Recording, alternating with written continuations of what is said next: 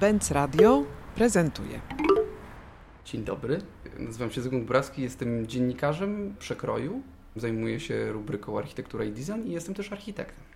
No właśnie, jesteś trochę niewyspany i musimy to od razu powiedzieć, ponieważ dziś rano oddałeś konkurs. Na plac centralny, drugi etap. Wraz z moim zespołem, z Martinem Markerem Larsenem, który jest Duńczykiem i z Sergianem z Lokapu, który jest Serbem, całe życie mieszkającym we Włoszech, wykonaliśmy projekt Placu Centralnego i zostaliśmy wybrani do drugiego etapu wraz z innymi czterema zespołami. I teraz właśnie pięć zespołów zostało zaproszonych do złożenia pracy do drugiego etapu i dzisiaj właśnie był termin o godzinie 11.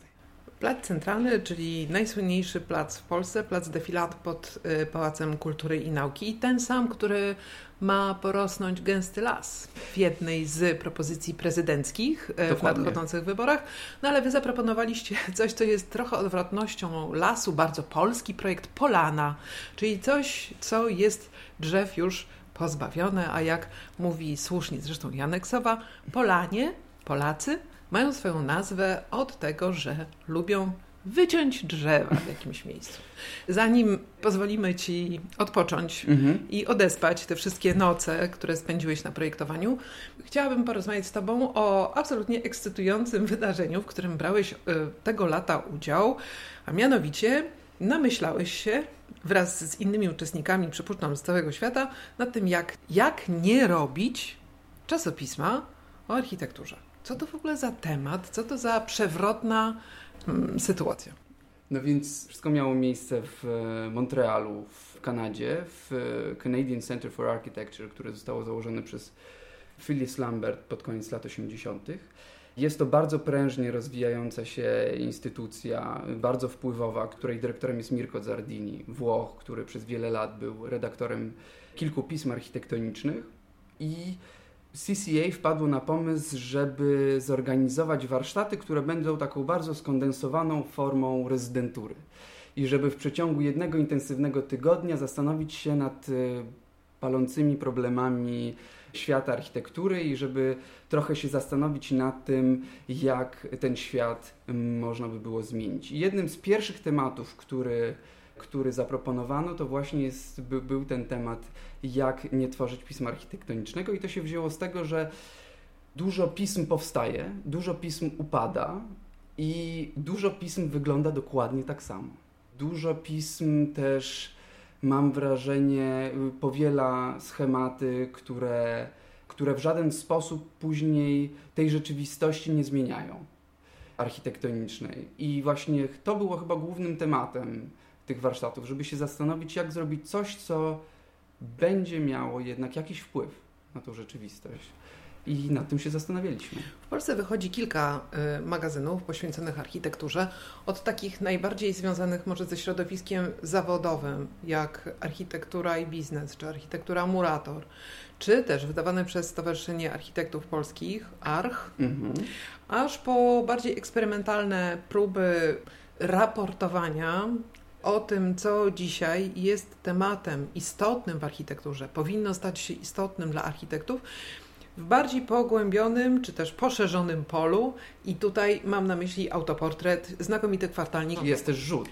I tutaj, w tym pejzażu, parę lat temu pojawiło się czasopismo, której ja przywitałam z ogromną e, nadzieją, która zresztą się spełnia, materializuje się na szczęście. To jest kwartalnik rzut założony właśnie w takim interdyscyplinarnym bardzo sosie, który jest, jak mi się wydaje, głosem tego najmłodszego pokolenia.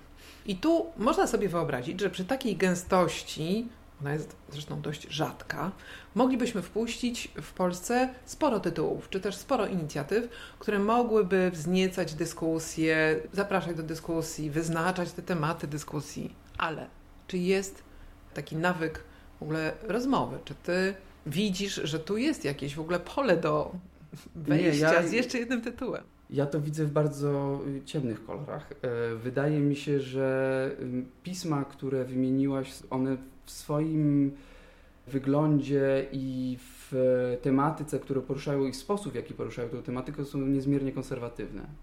I ten, te warsztaty, które mieliśmy w Montrealu, niesamowicie otworzyły mi oczy, dlatego że dużo, oprócz tego, że dużo rozmawialiśmy o finansowaniu, o dystrybucji, to jednak Głównymi tematami był też język, nowa forma gatunków, którymi moglibyśmy rozmawiać o architekturze. Przez dwa dni żeśmy mieli bardzo burzliwe dyskusje o memach na przykład, o tym jak bardzo skodyfikowaną formą, nośnikiem informacji są memy, jak krytyka architektoniczna dzisiaj, oddolna, odbywa się właśnie za pomocą memów. I wydaje mi się, że to była bardzo ciekawa dyskusja. Przeprowadziliśmy bodajże 26 wywiadów w przeciągu 5 dni na Skype'ie z ludźmi z całego świata, z czego jedna trzecia z tego to byli influencerzy instagramowi, ludzie, którzy dużo piszą na Twitterze, którzy bardzo dużo operują w internecie. Więc w ogóle sama kwestia dystrybucji była bardzo ciekawa. Natomiast czy jest miejsce na to w Polsce? Wydaje mi się, że tak, miejsce jest zawsze ale my nie potrafimy chyba o tej architekturze do końca dyskutować. Jest pewien status quo między architektami, że się nawzajem nie krytykujemy. A do tego niestety nie wyprodukowaliśmy może grupy osób niezwiązanych z architekturą, która miałaby odwagę krytykować lub wiedzę krytykować. No właśnie, bo to napięcie mm, wewnątrz środowiska faktycznie jest jakoś rozprowadzane przez te mm, debaty, które się odbywają wewnątrz, nie wiem, jakiejś złośliwości, czy dyskusje w jakimś bardzo, ale jednak ograniczonym stopniu przenikające poza to środowisko. Mnie się wydaje, że ciekawe jest to napięcie między architektami, czyli ludźmi, którzy są bezpośrednio zaangażowani w projektowanie i tymi, którzy po prostu architekturą się interesują, w niej żyją, nie wiem, no, chcieliby w jakiś sposób brać udział w rozmowie na te tematy. Ale ja mam wrażenie, że panuje jednak pewien rodzaj snobizmu u architektów, że architekci i tu jest właśnie ten impas, bo architekci nie są skłonni słuchać krytyki osób niezwiązanych z architekturą, a z drugiej strony między sobą nie chcą się krytykować, bo jednak kolegi po fachu się nie krytykuje. I kończymy w takiej rzeczywistości, gdzie jednak wszyscy akceptują wszystko, a cała złość tak naprawdę wylewa, wylewa się w kuluarach. Na rodzinę. Na, na rodzinę, dokładnie. I że prywatnie oczywiście każdy ma coś do powiedzenia o najnowszych budynkach, które się pojawiają, ale w mediach nic o tym nie usłyszymy. No dobra, to przez te kilka dni, które y, bardzo pracowicie spędziliście, mhm. y, co właściwie, co, co, tam się działo? Jakie były poszczególne etapy tego rozpracowania tematu? Jakie czasopisma rozumiem, czy też jakie medium architektoniczne warto byłoby dziś powołać do życia? No wydaje mi się, że bardzo dużo dyskutowaliśmy w ogóle o samej formie dystrybucji. O tym, czy dzisiaj warto w ogóle wydawać pisma papierowe. Nagle się okazuje, że internet przy całych problemach, które generuje, bo jednak dotykamy tak naprawdę tematów tylko po powierzchni, ilość informacji, którą generuje internet, powoduje, że my jednak nie jesteśmy w stanie tego do końca wszystkiego przyswoić. Nagle się okazuje, że jednak internet jest tym zbawieniem, jeżeli chodzi o możliwość taniego albo nawet i bardzo często bezpłatnego dojścia do jak największej rzeszy ludzi. I nagle się okazuje, że analizowaliśmy na przykład badania, które przeprowadziła AMO, ten think tank Rema Kolhasa w 2005 roku i nagle się okazało, że oni tam analizowali, jaki jest y, w przeliczeniu na metry kwadratowe, jaki jest y, zasięg na przykład pism architektonicznych w Ameryce, że wszystkie pisma architektoniczne w Ameryce razem osiągają, jeżeli by je podzielić na kartki A4, bodajże 6000 m2 a na przykład już banknoty euro, które też są nośnikiem przecież budynków architektonicznych, bo przecież wszystkie mają narysowane budynki architektoniczne, to już jest 9 milionów metrów kwadratowych. I my chcieliśmy na przykład za pomocą tego badania zobaczyć, gdyby przeliczyć na metry kwadratowe tweety, jaki jest zasięg na przykład tweetów architektonicznych albo o tematyce architektonicznej, nagle się okazuje, że już tutaj mówimy o, o dziesiątkach milionów. A w ogóle nagle się okazało, że największym pismem, który nie jest bezpośrednio związany z architekturą, ale jednak jest w tym świecie architektonicznym, bo analizuje właśnie wnętrza mieszkań, to jest katalog IKEA. I to jest dość zabawne, bo szukając miejsca do nagrania, zapuściliśmy się tutaj w korytarze Będ Zmiany i znaleźliśmy pokój, w którym chyba od dawna nikogo nie było i jedną z, z leżących tutaj na biurku, jednym z eksponatów właściwie powinnam powiedzieć, jest ubiegłoroczny katalog IKEA. I nagle się okazuje, że katalog IKEA jest corocznie drukowany w 200 milionach kopii. Jest trzecim po Koranie i Biblii najczęściej rozprowadzanym, dystrybuowanym formą e, drukowaną książki lub pisma na świecie i no to jest w przeliczeniu na metr kwadratowy, mówimy już tutaj o pół miliardzie, 500 tysiącach milionów metrów kwadratowych. No i to jest taka twarda rozmowa, która faktycznie wprowadza ogromne zmiany w życiu codziennym, unifikuje style, już właściwie wszędzie IKEA się wdarła jest y, wyznacznikiem jakiegoś stylu bardziej chyba określanego dostępnością, no z tego jednego katalogu moglibyśmy naprawdę wyciągnąć właściwie wszystkie pytania, które stoją nie przed przecież urządzeniem wnętrz, ale także przed architekturą. Jakie pytania pojawiły się tam w trakcie tego waszego spotkania, no właśnie dotyczące tej przyszłości architektury, czy też tego, o czym warto rozmawiać? Ciekawą rzeczą jest to na temat tego warsztatu, że my tak naprawdę o samej architekturze lub o takim mięsie architektonicznym rozmawialiśmy bardzo mało. Ja mam wrażenie, to też było ciekawe, bo tylko na 8 osób trzy były z Europy, pięć było ze Stanów Zjednoczonych i było czuć taki clash, jeżeli chodzi takie spięcie na linii tego, jak my widzimy, jak podchodzimy do architektury. I cała reprezentacja amerykańska wywodząca się z Ivy League Schools, Harvard, Princeton, Yale, miało podejście do architektury bardzo teoretyczne, a w Europie jednak to podejście jest takie bardziej, bym powiedział, zawodowe, materialne. I to spowodowało, że my bardziej się chyba przez to, że e, było tam e, więcej osób ze Stanów Zjednoczonych, bardziej się zastanawialiśmy właśnie nad tym, nad pewnymi politycznymi, socjotechnicznymi pojęciami, bardziej niż nad samą architekturą. W ogóle na przykład nie omówiliśmy nowych gatunków prezentacji w ogóle budynków architektonicznych. To jest na przykład rzecz, która jest nadal bardzo, bardzo bym powiedział, konserwatywna. Rozmawialiśmy no rozmawialiśmy przede wszystkim właśnie o, o formach finansowania, o tym, do kogo pisma należą, jak je dystrybuować. Rozmawialiśmy bardzo dużo o języku na przykład. Jest bardzo ciekawą rzeczą, że y, architekci niestety używają bardzo hermetycznego języka. Pisma, które tworzymy, są bardzo branżowe, więc tak naprawdę niektóre osoby, z którymi rozmawialiśmy o, o, o pismach architektonicznych, które są redaktorami, mówiły: Ale po co wy się tym zajmujecie? Przecież wasze pismo, jeżeli założycie, to i tak przeczyta maks 1500 osób. Nagle się okazuje rzeczywiście, że trzeba byłoby zmienić podejście i w ogóle sposób opowiadania o architekturze, żeby dotrzeć do jak największej rzeszy ludzi. Więc no bardziej mówiliśmy o formie tych pism niż, niż o tym, co w tych pismach powinno się pojawić. Ta forma także jest oczywiście mówiąca, znaczy jest czymś, co znaczy. Powiedziałeś przed chwilą o nowych sposobach pokazywania architektury. To jest ciekawe, że VR przyjął się tak naprawdę w, w armii, w medycynie, w różnych badaniach naukowych, to jasne, ale oprócz tego tak naprawdę pracuje i działa w architekturze, a właściwie w sprzedawaniu architektury. Działa, no deweloperzy bardzo z tego korzystają, ale architekci sądzę, że nadal do tego podchodzą trochę z rezerwą. Z rezerwą, mhm. tak. No właśnie, ale no bo służy to jednak sprzedawaniu produktu bardziej niż pokazywaniu właściwości danej architektury. Więc wydaje mi się, że też z tego powodu architekci podchodzą do tego trochę z rezerwą. Ale to tylko narzędzie. Tak jest. Może robić wszystko, co mu Dokładnie. zaprogramujemy.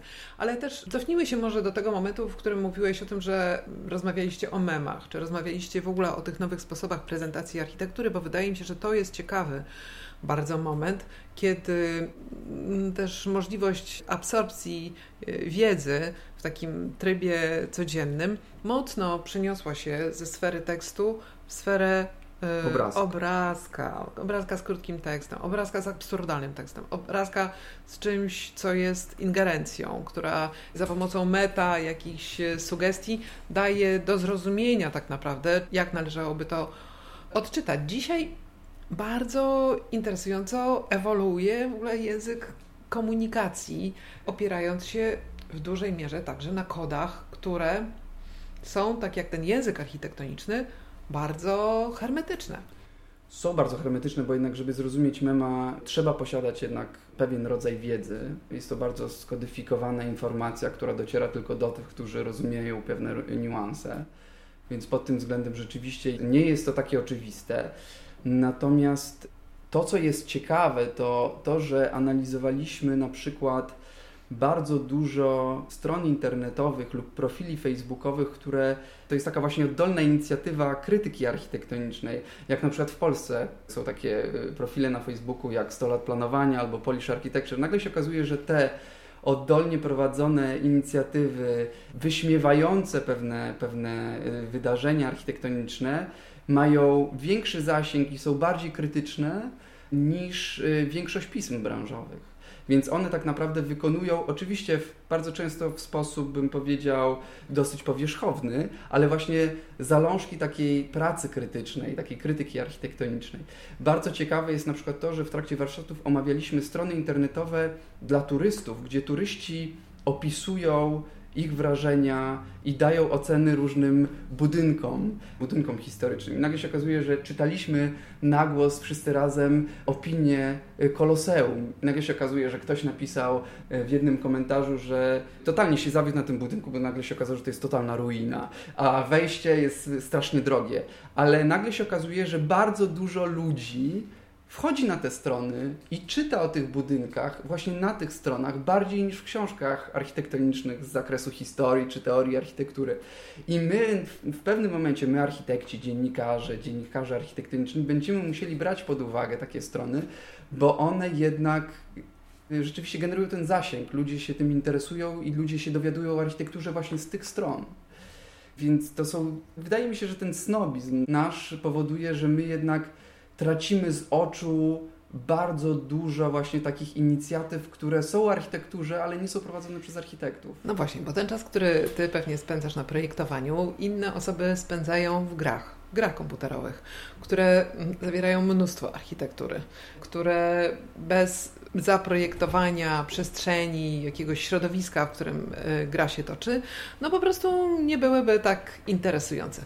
W związku z czym są takie obszary, w których ta wiedza czy też wrażliwość architektoniczna przenika do kultury popularnej i staje się jakąś taką dyskusją, która nie dotyczy być może najnowszych prądów w architekturze, ale jest o tym, czy gra jest dobrze zaprojektowana, czy są wiarygodne w niej proporcje, czy wygodnie się po niej podróżuje, czy chodzi. To są wszystko treści, które także dotyczą architektury, chociaż w tym wymiarze takim bardzo już przetworzonym i wyobrażonym. Czy także te przestrzenie gier widzieliście w swoich Przestrzeni, przestrzeni gier nie analizowaliśmy. Natomiast analizowaliśmy na przykład Instagrama pod kątem na przykład tworzenia algorytmów, które mogłyby opisywać niektóre budynki. Nagle się okazuje, że większość ludzi odwiedzających Ville Savoie Le Corbusiera robi zdjęcie temu budynkowi dokładnie z tego samego kąta. I nagle się okazuje, że my zrobiliśmy takie małe studium i znaleźliśmy kilkadziesiąt zdjęć willi Savoie zrobione z tego samego kąta i wzięliśmy wszystkie hasztagi, które były pod danym zdjęciem. I jedna z dziewczyn, która w ogóle nie jest architektem, ale była e, zaproszona na te warsztaty, zajmuje się na co dzień e, architekturą sieci i zna się fenomenalnie na tworzeniu algorytmów. W ogóle to było niesamowite, że te warsztaty były też dosyć interdyscyplinarne. I ona wytworzyła taki algorytm, który był w stanie właśnie generować, tworzyć opis willi Savoie opierający się tylko i wyłącznie na tych hashtagach. I dzięki temu też ludzie mogą się na przykład czegoś dowiedzieć o tym budynku, ale też i my sami możemy się dowiedzieć, jak ludzie interpretują dany budynek lub jakie są ich wrażenia związane z danym budynkiem. Więc oczywiście to są rzeczy, które może nie do końca są związane stricte z taką z takim mięsem architektonicznym, o którym my, architekci, lubimy dywagować, ale to też tworzy nowe pola wydaje mi się, interpretowania, widzenia, odczuwania architektury. Więc dla mnie, ja się przyznam Ci, Bogno, że ja połowę tych warsztatów przesiedziałem w ciszy i tylko słuchałem, bo omawialiśmy takie rzeczy, do których ja normalnie bym nie podszedł lub w ogóle bym nawet nie zauważył, że no dla mnie to było absolutnie rewolucyjne.